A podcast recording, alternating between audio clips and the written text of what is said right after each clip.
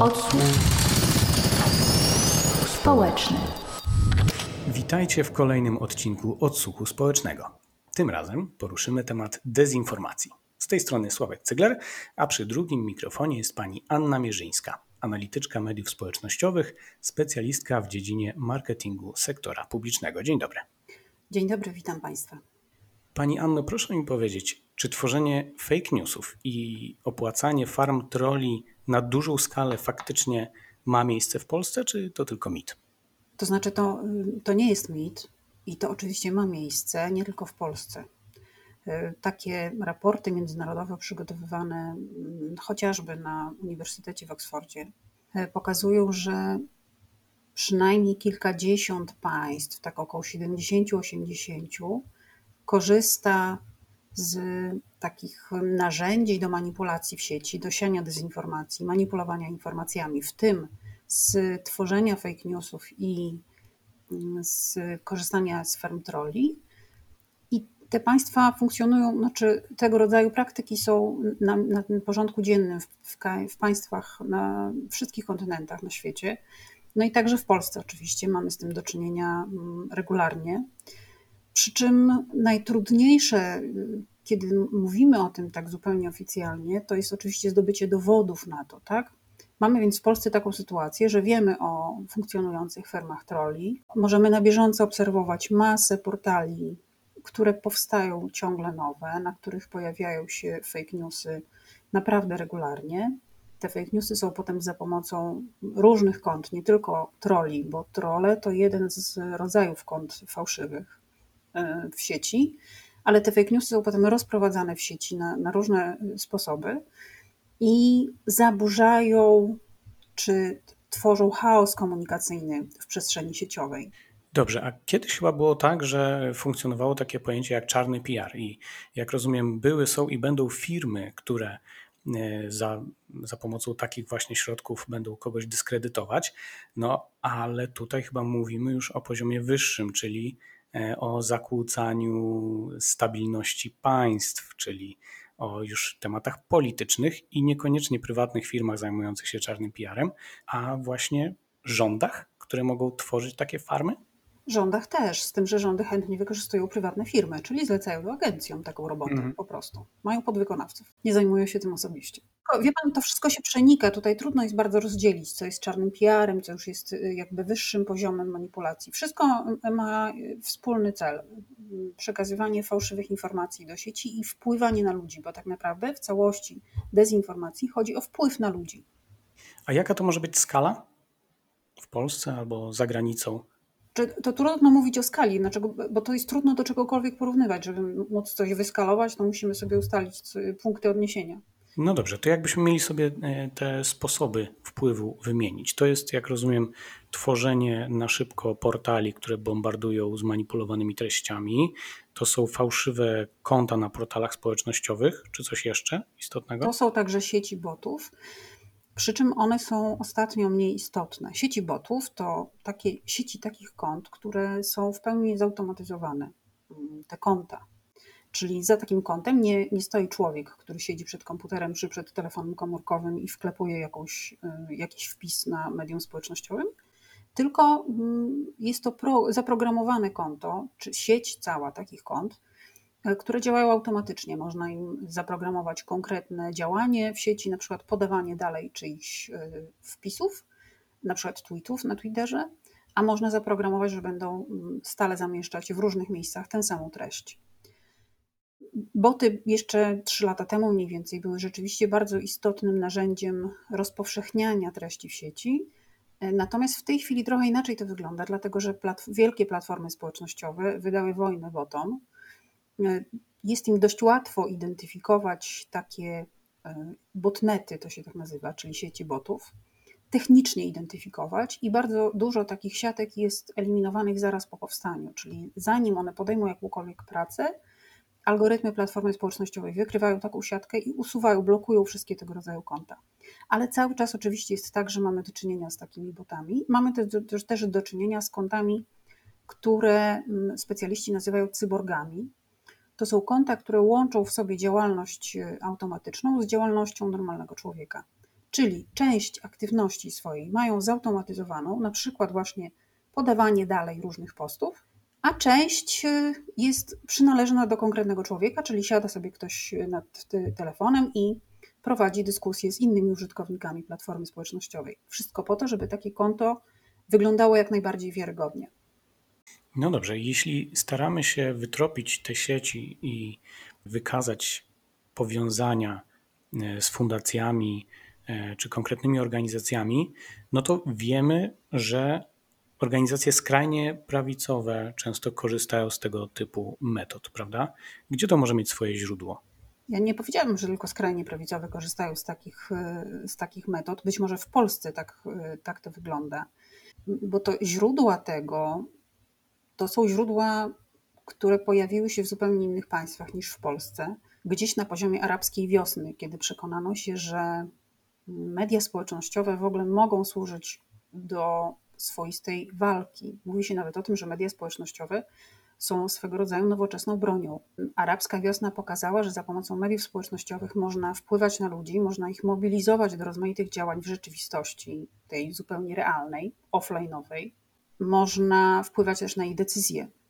I od tego czasu różne państwa zaczęły wykorzystywać media społecznościowe w ten sposób. Mamy na przykład y, Rosję, w której mniej więcej po 2010 roku powrócił taki sposób myślenia, politycznego myślenia oczywiście. Mówimy o władzach Rosji, nie o zwykłych Rosjanach, ale tam na Kremlu powrócił taki sposób myślenia, że trzeba odbudować y, imperialistyczną rolę Rosji, że to musi być znowu Wielka Rosja.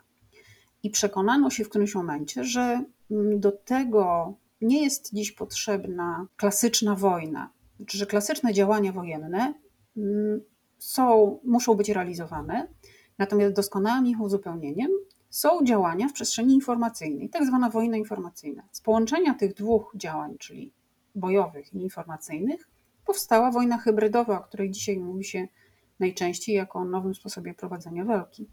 Czyli te słynne rosyjskie trole faktycznie istnieją i są obecne też w polskim internecie? Tak, te słynne rosyjskie trole naprawdę istnieją. Mamy między innymi Internet Research Agency, czyli agencję działającą w Rosji, która zajmuje się głównie zatrudnianiem troli e, działających w internecie. Są nawet znane niektóre adresy siedzib tej agencji. To jest e, rzeczywistość. Szczegóły tego, jak to działa, poznaliśmy też dzięki opozycyjnym dziennikarzom rosyjskim, którzy napisali solidne reportaże na ten temat w oparciu o e, informacje od osób, które tam pracowały. Więc to nie jest legenda, to naprawdę się dzieje. Trole rosyjskie są też obecne oczywiście w polskiej przestrzeni sieciowej, chociaż Polska jest dla Rosji takim specyficznym obszarem walki informacyjnej. Znaczy, ta wojna informacyjna u nas się oczywiście toczy, ale jesteśmy mm, ważni, że tak powiem, jako pośrednicy. Znaczy, dla, dla Rosji głównym przeciwnikiem są Stany Zjednoczone. I Polska jest dzisiaj istotna głównie jako część Unii Europejskiej z jednej strony, ale z drugiej strony jako sojusznik y, Stanów Zjednoczonych w Europie. Y, to tutaj mm, pojawiają się nowe wojska natowskie i amerykańskie. To tutaj, jeżeli mm, Donald Trump obiecywał, że zmniejszy liczbę żołnierzy E, amerykańskich w Niemczech, to miał je przenieść do Polski. I z tej perspektywy e, dla Rosji jesteśmy rzeczywiście istotnym obszarem i obserwacji, i działania. Oni rzeczywiście chcą wpływać na to, w jaki sposób na przykład to, w, w, tym zakresie są widoczne działania rosyjskie w polskiej przestrzeni informacyjnej, w jaki sposób na przykład odbierani są żołnierze NATO i żołnierze amerykańscy w Polsce. Nie przez przypadek, kiedy zaczynała się pandemia w 2020 roku, w marcu, tak się złożyło, że trwały wtedy ćwiczenia wojskowe Defender 2020, międzynarodowe ćwiczenia natowskie i e, propaganda rosyjska na bardzo różne sposoby, mm, oczywiście głównie niejawne, czyli takie, żeby nie było widać, że to robi Rosja, w przestrzeni informacyjnej rozprowadzała informacje o tym, że to żołnierze NATO roznoszą e, zarazę po krajach europejskich, że to jest ich wina, że koronawirus się, koronawirus się rozprzestrzenia. Też bardzo często jest na przykład podnoszone to mm, że y, żołnierze natowscy czy żołnierze amerykańscy, zwłaszcza, bo to o nich chodzi, dokonują przestępstw na terytorium Polski, szkodzą Polakom, nie wiem, generują jakiś chaos, bałagan, niszczą drogi, wszystkie tego typu narracje się naprawdę pojawiają od lat w rozmaitych przestrzeniach mediów społecznościowych polskich. A czy ma Pani może wrażenie, że Polacy jakoś już lepiej trochę może rozpoznają fake newsy, tak na pierwszy rzut oka, nawet w mediach społecznościowych? Na pewno jest lepiej niż jeszcze kilka lat temu, bo od, przez te kilka lat stale się o tym mówi. Coraz więcej jest też e, warsztatów czy rozmaitych kursów, w których można wziąć udział i nauczyć się rozpoznawać fake newsy. Chociaż niestety, nad czym ja bardzo boleję, nie jest to jeszcze obowiązkowy element programu edukacji, a powinien być. Już od najmłodszych e, klas szkoły podstawowej uczniowie powinni się uczyć tego, jak rozpoznawać prawdę od fałszu w sieci. No ale na pewno jest dzisiaj lepiej. Tak samo y, to, o czym y, zapytał Pan o te trole rosyjskie, czy to jest w ogóle prawda, czy to jest legenda, czy to mit. To się zaczęło od tego, że mm, zaczęliśmy pokazywać, że rzeczywiście te trole w polskiej przestrzeni informacyjnej działały i tak się to przejawiło ostatecznie w świadomości masowej, że stało się taką swoistą etykietką i dzisiaj y, używa się dość często takiego sformułowania, że ktoś jest trolem rosyjskim, chociaż on nie ma nic wspólnego z Rosją. Wystarczy, że głosi jakieś mocno niepopularne poglądy specyficzne, które komuś się kojarzą z Rosją, ale to pochodzi od prawdy. I, więc to też jest tak naprawdę efekt y, edukowania się społeczeństwa w tym zakresie, tego, co się dzieje w przestrzeni informacyjnej, w sieci, tego, na co się może natknąć i tego, że manipulacja jest niestety codziennością użytkowników mediów społecznościowych.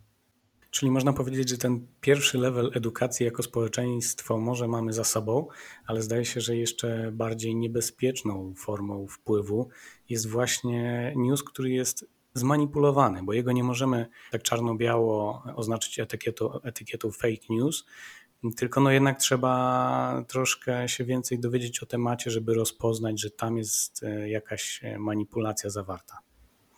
No, mm, Facebook na przykład stara się bardzo, żeby także te zmanipulowane oznaczać etykietką, może niekoniecznie z nazwą fake news, ale przynajmniej z informacją, że, y, że ten news został sprawdzony przez y, rozmaite organizacje pozarządowe, które współpracują z Facebookiem i y, przez, przez tak zwanych fact-checkerów. No i wykazują oni, że to jest nieprawda. Także jeżeli mówimy o manipulacji. Ale Albo nawet przez użytkowników, prawda? Można zgłaszać po prostu treści, tak. które uważamy za manipulację. Tak, tak, można to zgłosić do Facebooka. E, bardzo prosto przy każdym poście jest na górze jest e, taki ptaszek, tam można go rozwinąć i, i można zgłosić dany post. Ma Pan rację oczywiście, że to trochę jest tak w ogóle, że takie klasyczne fake newsy e, pojawiają się już dość rzadko. Klasyczne fake newsy, czyli w całości fałszywa informacja.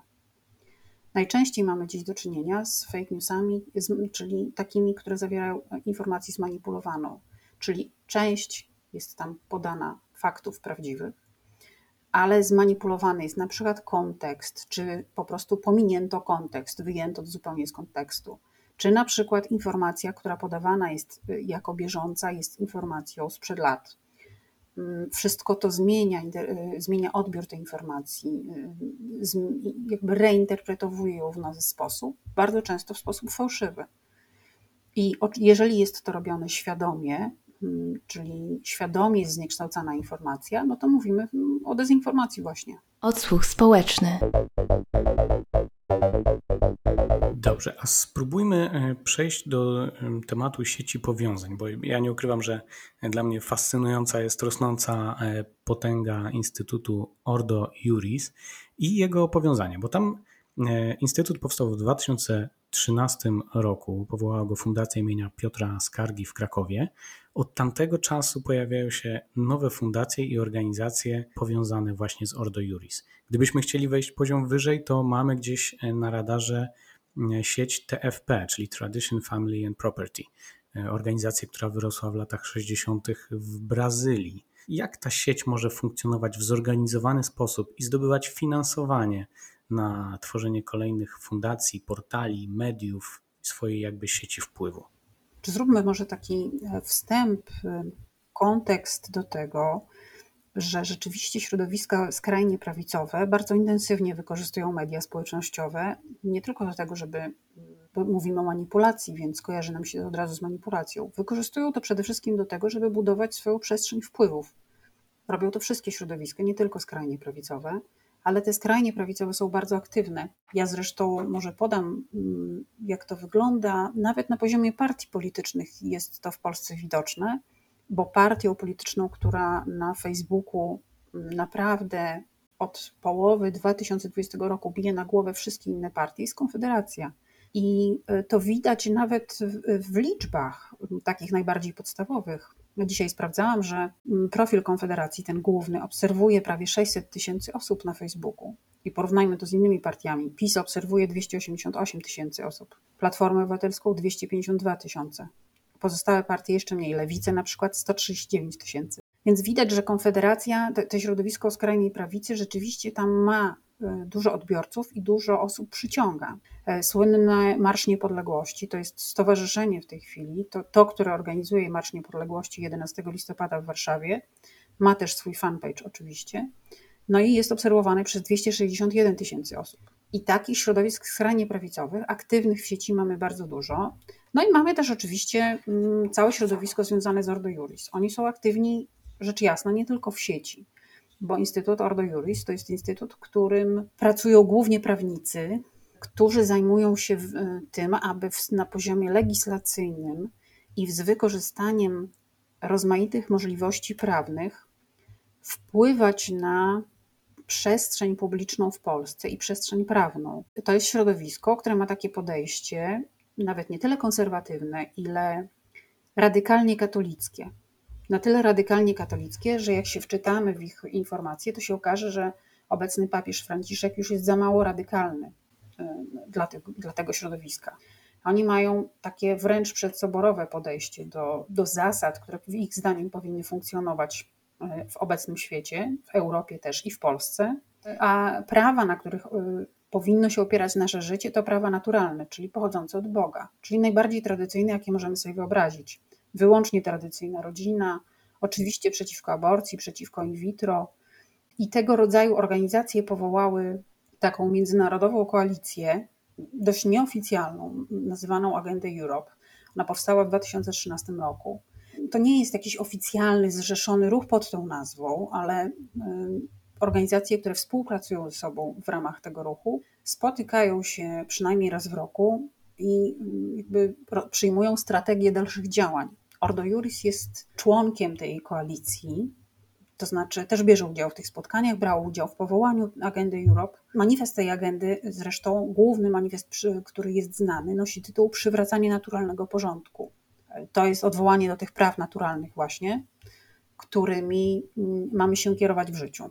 No i Ordo Juris y, jest najbardziej znanym instytutem z, y, czy organizacją z tego środowiska, ale tak jak Pan wspomniał, tych środowisk jest sporo. Mamy Stowarzyszenie Mienia Skargi, Instytut Mienia Skargi, Stowarzyszenie Polonia Christiana, Centrum Wspierania Inicjatyw dla Życia i Rodziny.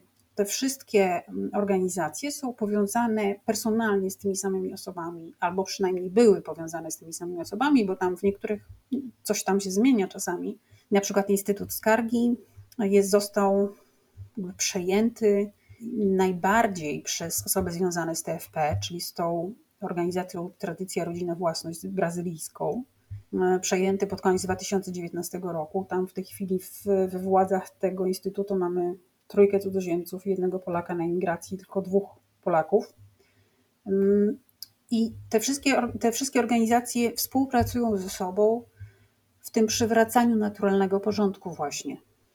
I rozbudowują bardzo sieć swoich wpływów i na poziomie takim offline'owym i na poziomie online'owym.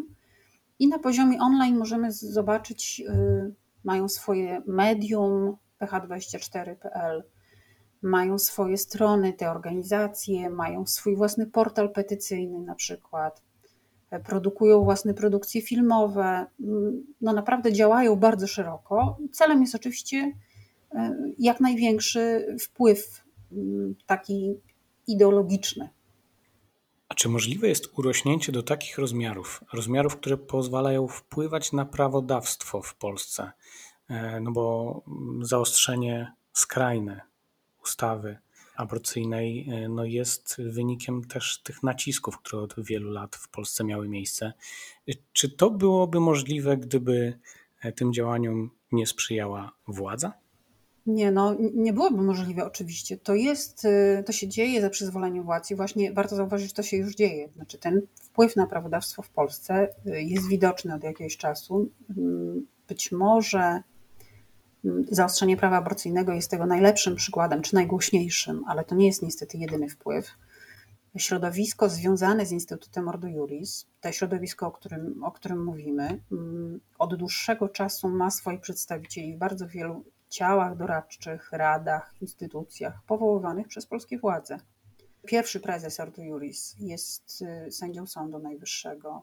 Ja swego czasu sprawdzałam te rady doradcze ministrów, na przykład Narodowy Instytut Wolności, no rozmaite instytucje, które działają, które decydują o choćby o przyznawaniu pieniędzy, czy pośrednio przynajmniej o wyznaczaniu priorytetów przy, przy rozdawaniu pieniędzy na działalność kulturalną na przykład czy mm, taką obywatelską.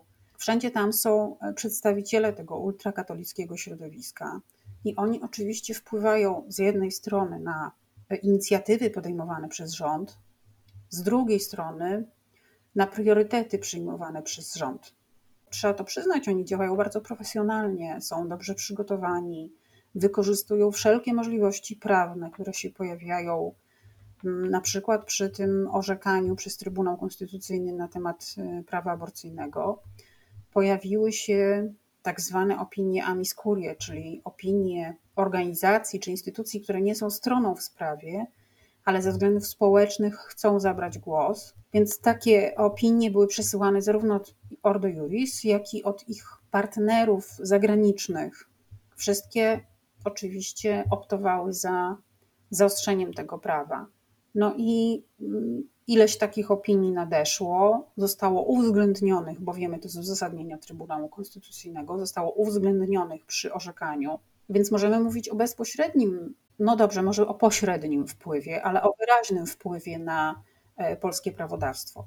E, Ordo Juris zresztą podejmuje sporo różnych inicjatyw w tym zakresie, także to, co ja obserwuję na przykład na Facebooku, że oni mają ten portal petycyjny i dość często zbierają mm, podpisy pod petycjami dotyczącymi czy jakiejś sytuacji w Polsce. Ostatnio na przykład e, zbierali, czy nawet może nadal zbierają podpisy pod petycją dotyczącą nazwy ronda w Warszawie. Chodziło o to, że pojawił się pomysł, by, na, by rondo imienia Jedmowskiego zmienić na rondo praw kobiet. No i oni zbierali podpisy pod protestem wobec tego ale często zbierają również podpisy przeciwko urzędnikom europejskim, na przykład, którzy podejmują decyzje, którzy, czy którzy się wypowiadają w sposób ich zdaniem y, no, niepasujący do ich wizji światopoglądowej. Więc to cały czas się dzieje, cały czas się niestety też rozwija, tak bym powiedziała, bo wpływy Ordo Juris y, są widoczne w coraz nowych miejscach. Ja całkiem niedawno mm, odkryłam, znaczy on dość niedawno powstał, 6 lutego dokładnie, ruszył powszechny uniwersytet mm, nauczania y, społeczno-chrześcijańskiego. To jest nie uniwersytet oczywiście, tylko taka szkoła, kurs online, roczny kurs online. Y, kurs, który ma przygotować animatorów myśli chrześcijańsko-społecznej, czyli takiej doktryny Kościoła katolickiego, która zdaniem twórców tego uniwersytetu powinna być wdrażana we wszystkich instytucjach i przestrzeniach e, życia publicznego w Polsce, czyli w samorządach, na uczelniach, w szkołach, e, w służbie zdrowia, w wymiarze sprawiedliwości, wszędzie. No i prowadzi to e, Fundacja Schumana, ale jednym z partnerów, z partnerów też jest Ordo Juris. Co więcej, patronują temu trzy ministerstwa. Więc takie powiązanie między środowiskiem ultrakatolickim a państwem jest jak najbardziej widoczny. No właśnie, bo chyba e, o ile możemy mówić o jakiejś równowadze na tym poziomie petycji, apelowania, edukowania, bo tutaj i lewica, i prawica, i centrum po prostu stara się przesunąć dyskurs w swoją stronę, o tyle, jeśli wchodzimy już na poziom wsparcia ministerstw e, albo takich no, łatwych do wykazania bezpośrednich powiązań, no to tu już chyba jest coś nie tak. I to nie tylko dlatego, że tej równowagi nie ma, ale dlatego, że chyba nie powinno być takich bezpośrednich patronatów mm, nad e, tak zideologizowanymi instytucjami. Polska konstytucja mówi o tym, że państwo jest e, neutralne światopoglądowo ale myślę, że to nie, nie, jest, nie jest przepis konstytucyjny, który jest obecnie realizowany. Za przykład może podamy ośrodek monitorowania chrystianofobii Fidei Defensor, e, który co prawda e, nie jest bezpośrednio powiązany z Ordo Juris, ale jest współfinansowany, Fundacja Fidei Defensor jest finansowana przez Ministerstwo Sprawiedliwości.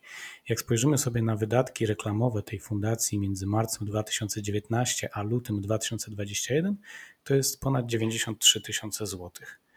Więc tutaj chyba o neutralności światopoglądowej faktycznie nie może być mowy. Warto zauważyć, że Fidei Defensor jest finansowany dokładnie z Funduszu Sprawiedliwości. Fundusz Sprawiedliwości to jest fundusz, którym dysponuje Ministerstwo Sprawiedliwości, ale który powinien być przeznaczany na zapobieganie przestępstwom i wspieranie ofiar przestępstw. Tymczasem ośrodek chrystianofobii Fidei Defensor y, skupia się na informowaniu o tym, jak bardzo atakowane są obecnie uczucia religijne katolików i atakowane są świątynie.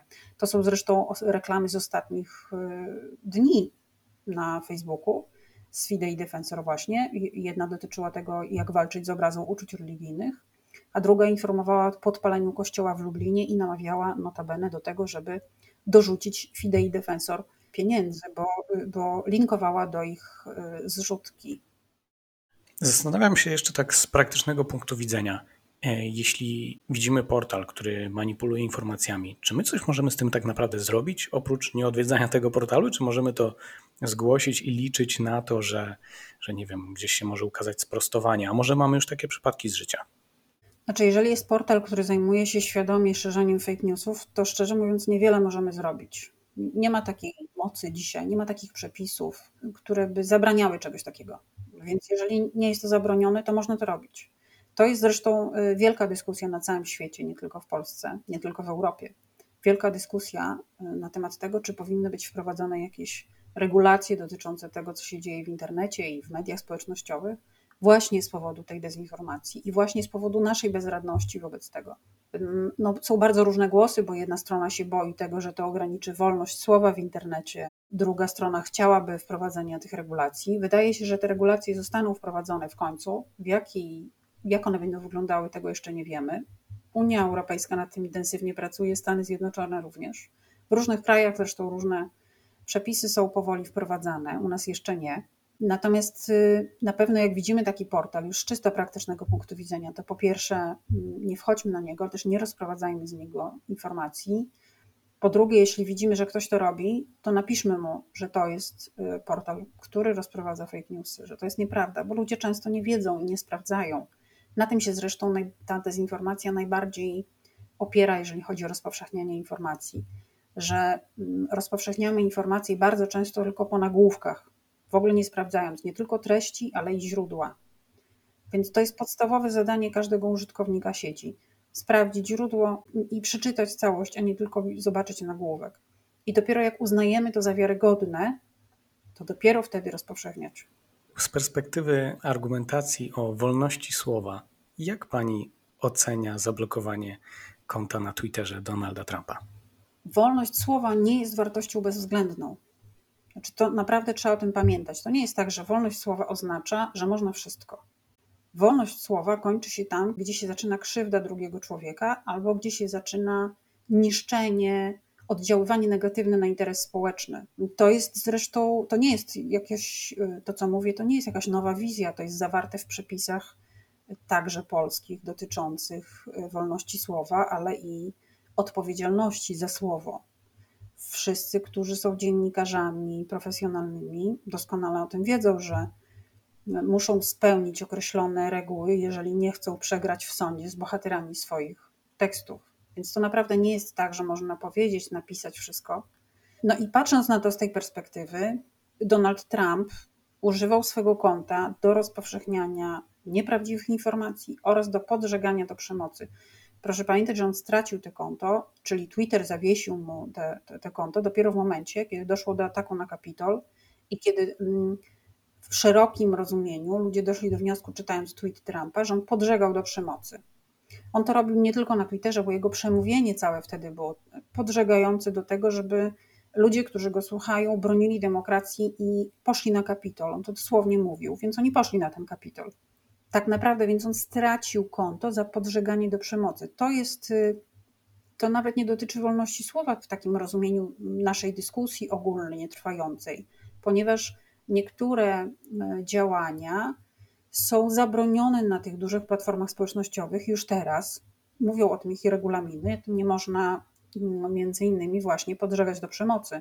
I ta decyzja pokazała, że nie może tego robić nikt. Nieważne, czy jest zwykłym użytkownikiem, czy jest prezydentem Stanów Zjednoczonych. Moim zdaniem, szczerze mówiąc, ta decyzja o zablokowaniu mu konta zapadła zbyt późno.